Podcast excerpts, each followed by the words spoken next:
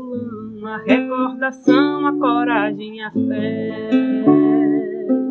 José, Zé, O filho da dona prima, o irmão do Antônio. Zé Bahia? o Tuxaua, aquele que é sultão das matas. Qual? O baiano respeitador de família? Esse mesmo, o marido da pequenina. o pai do Jair da Jandira, E de mais um tanto de filho. Ah, o Gabriel. aquele que distribui o chá. Isso, o mestre Gabriel. Ah, é do mestre Gabriel que vocês estão falando, gente. Meu brother. Pô, Luiz, leva a sério, velho. Estamos gravando podcast 100 anos. Ah, deixa ele, bora dar uma descontraída. Afinal, o mestre também era um cara bem alegre. Ah, gente, com brincadeira ou não, bora concentrar. A gente tem uma história toda ainda para contar. Caio Dias falando aqui. Luiz Guilherme Simas, direto da Bahia. Marina Rangel, aquariana igual o mestre Gabriel. Marissa Araújo, pronta pra tocar o sino. Bora começar?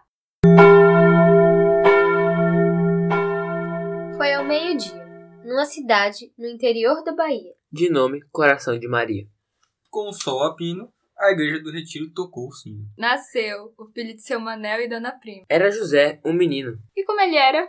Ah, era brincalhão, falante, alegre, criativo e inteligente. Mas ele era como os outros ou era diferente?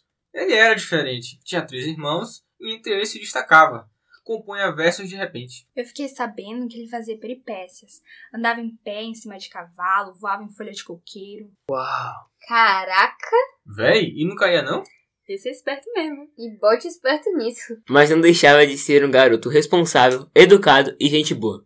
Ensinou o irmão Antônio a ler, escrever, somar, multiplicar, dividir e subtrair. Usava como papel o chão de areia e de caneta o maretim. Nasceu numa família religiosa, dessas que canta risada e faz até novena. Vem cá, o que é a novena? Oh, meu Deus! Novena é uma prática religiosa em que as pessoas rezam por nove dias para um santo. As pessoas vão nas casas das outras, cantam, rezam, comem. As crianças também participam, né? E as rezadeiras também, né? Vem cá, ele não tinha uma tia que era risadeira? Tinha a tia Rosa. Ele aprendeu muitas coisas com ela. Os benditos de Cosme e Damião, a Salve Rainha.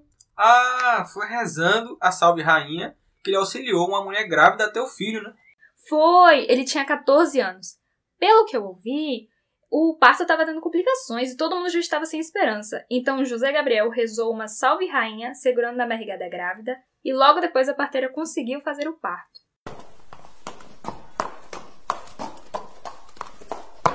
Ih, acho que dessa vez a Joana não vai ter menino, não. Minha Nossa Senhora, e agora? Eu posso entrar pra ver Joana? Ô, Gabriel, meu filho, você é um menino de fé, mas o menino da Joana não tá nem mexendo. Tenha fé, deixa eu entrar pra ver Joana. Salve, Rainha, Mãe de Misericórdia, Vida, doçura e esperança nossa, salve. A vós bradamos, os degredados filhos de Eva. A vós suspiramos, gememos e choramos nesse vale de lágrimas. Eu e pois, advogada nossa, esses vossos olhos misericordiosos, a nós volveis. E depois desse desterro, mostrai-nos Jesus, bendito fruto de vosso ventre. Ou clemente, ou piedosa, ou doce e sempre Virgem Maria. Rogai por nós, Santa Mãe de Deus, para que sejamos dignos das promessas de Cristo. Amém.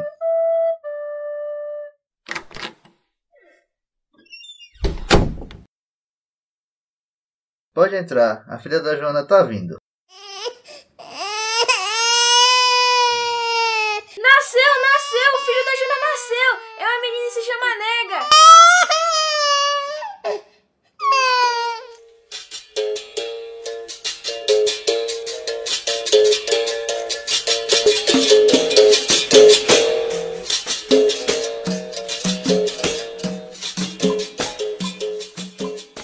Aos 18 anos, Gabriel já era um rapaz corajoso e foi para Salvador trabalhar e se fazer na vida. Lá, trabalhou no mercado de sete portas e no bonde como condutor. Domingo, nas rodas de capoeira, era bonde de gado. Ficou conhecido como Zé Bahia. Mano, deveria ser muito massa jogar capoeira com ele. Mas se liga que com ele não pode vacilar, porque o mestre é muito ligeiro.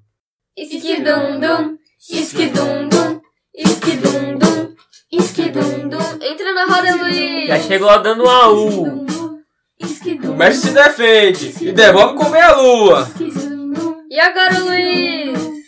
Esquidum-dum, esquidum-dum, esquidum-dum.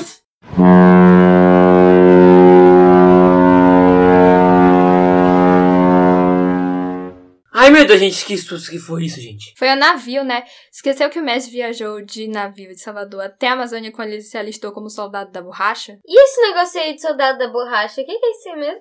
Ah, gente, vocês não leram a pesquisa histórica antes de fazer o podcast, não? Foi? Oxe, cai e lê pra vocês me entenderem.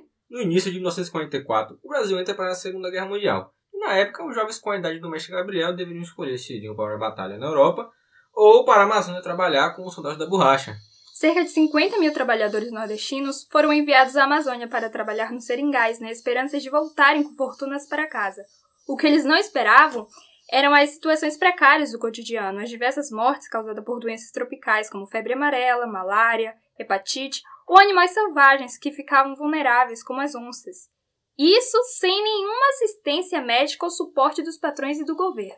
Caraca, o mestre enfrentou bastante desafios. E ele só tinha 20, 21 anos. Quase a idade do meu irmão. E bota desafio nisso, viu? Dificuldade financeira, preconceito religioso, preconceito regional. Choque cultural, jornada de trabalho longas. E outra, ele tava longe da família. Devia dar maior saudade. Gente, como assim ninguém falou dos maiores dos desafios? Qual? Os mosquitos. Nossa, é muito mosquito. Meu Deus. gente, eu já morei lá, velho. Ah, foi aí na Amazônia que ele recebeu o título de Tuxaua? Tuxaua. E o que é isso mesmo na mudança de língua? Exterminador de mosquito?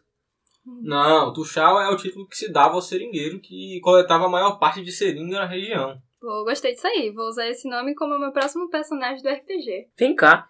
E com tanto trabalho no meio da floresta, como é que deu tempo pra ele conhecer a mulher dele, a mestre pequenina? Eu soube que foi numa aposta. Na época em que ele trabalhou como enfermeiro lá no Hospital São José, quando ele já estava em Porto Velho.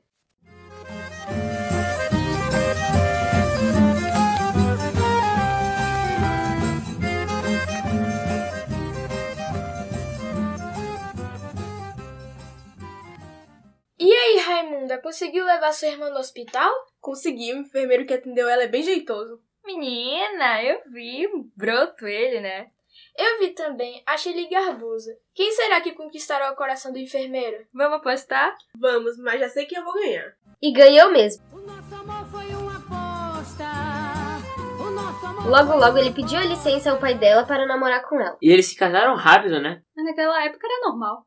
E depois que alguns filhos nasceram, mas Gabriel falou para a pequenina para eles voltarem para o seringal em busca de um tesouro. E vocês estão ligados que ela achava que era um tesouro de verdade, né? Com joias, ouro e tudo. Achei, era o quê?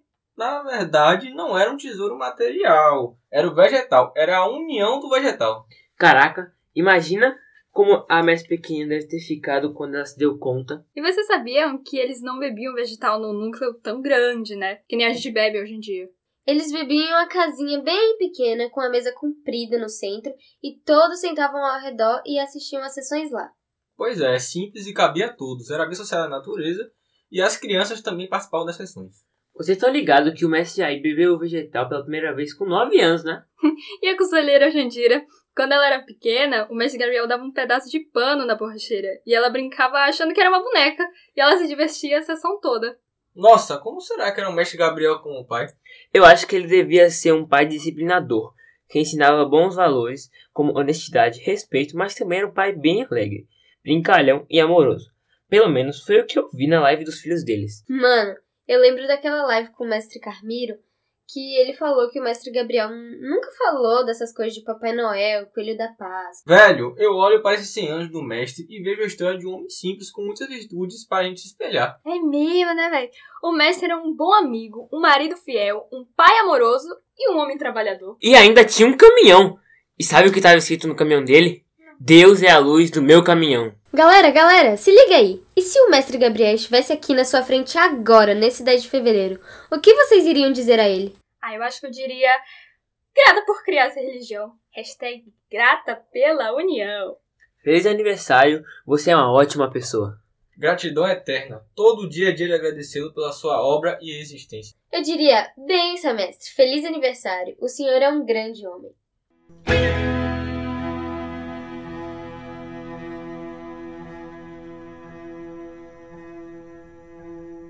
E aí, meu povo, será que daqui a uns 100 anos alguém vai estar ouvindo esse podcast? Não sei, mas sei que daqui a 100 anos o mestre já tá vendo.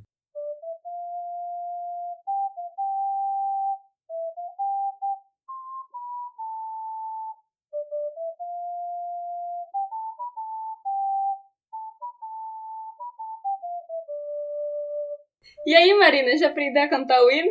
Rapaz, ainda tô aprendendo. Velho, quando eu aprendi um hino, eu cantava direto. Já tava virando até trilha sonora dos meus sonhos. Mano, mas é sério. Será que os meus filhos e os meus netos vão estar ouvindo isso aqui? Isso eu não sei, mas o que eu sei é que a gente contou a história toda. Ou quase toda. Deve ter pelo menos mais uns 100 anos aí pela frente. Sei não, mil e muitos. Mas vamos nos despedindo, né, gente? Caio Dias, foi uma satisfação estar com vocês. Luiz Guilherme na voz, um salve pra nós e valeu. Marisa aqui. Tchau, meus manos. Marina falando, até a próxima, rapaziada. Bora Bahia! Deixa de palhaçada, Luiz. Ah, o mestre era baiano, pô. Tchau.